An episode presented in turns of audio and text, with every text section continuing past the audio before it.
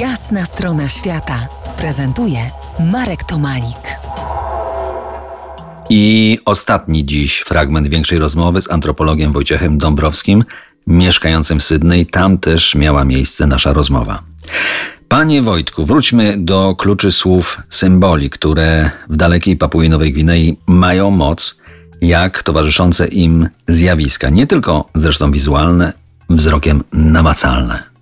Czym jest mana?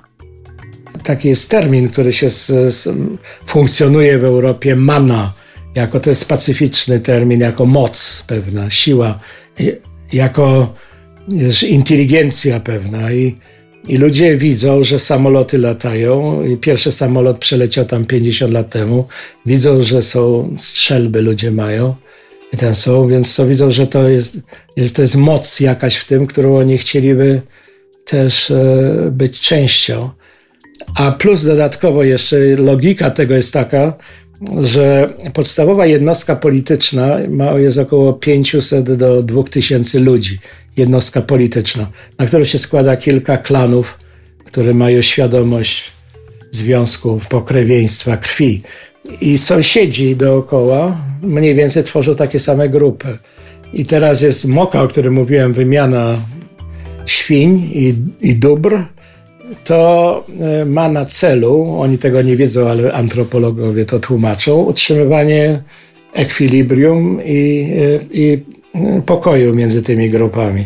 Ale co pewien czas to ekwilibrium jest załamane i któraś z grup nagle uzyskuje przewagę albo w sposób naturalny i pokojowy, albo w ten sposób, że e, morduje kogoś, albo przynajmniej jest e, podejrzana o zamordowanie kogoś, czyli jest balans jest chwilowo załamany.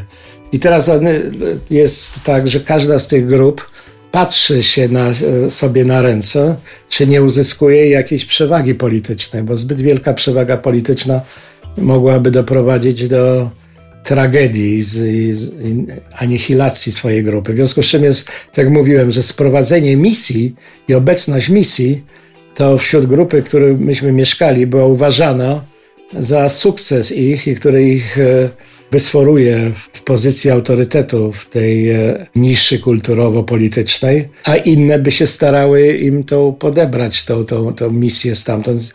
Czyli nie jest możliwa izolacja i, i, i nie jest w ich interesie i nie jest w ich ambicjach.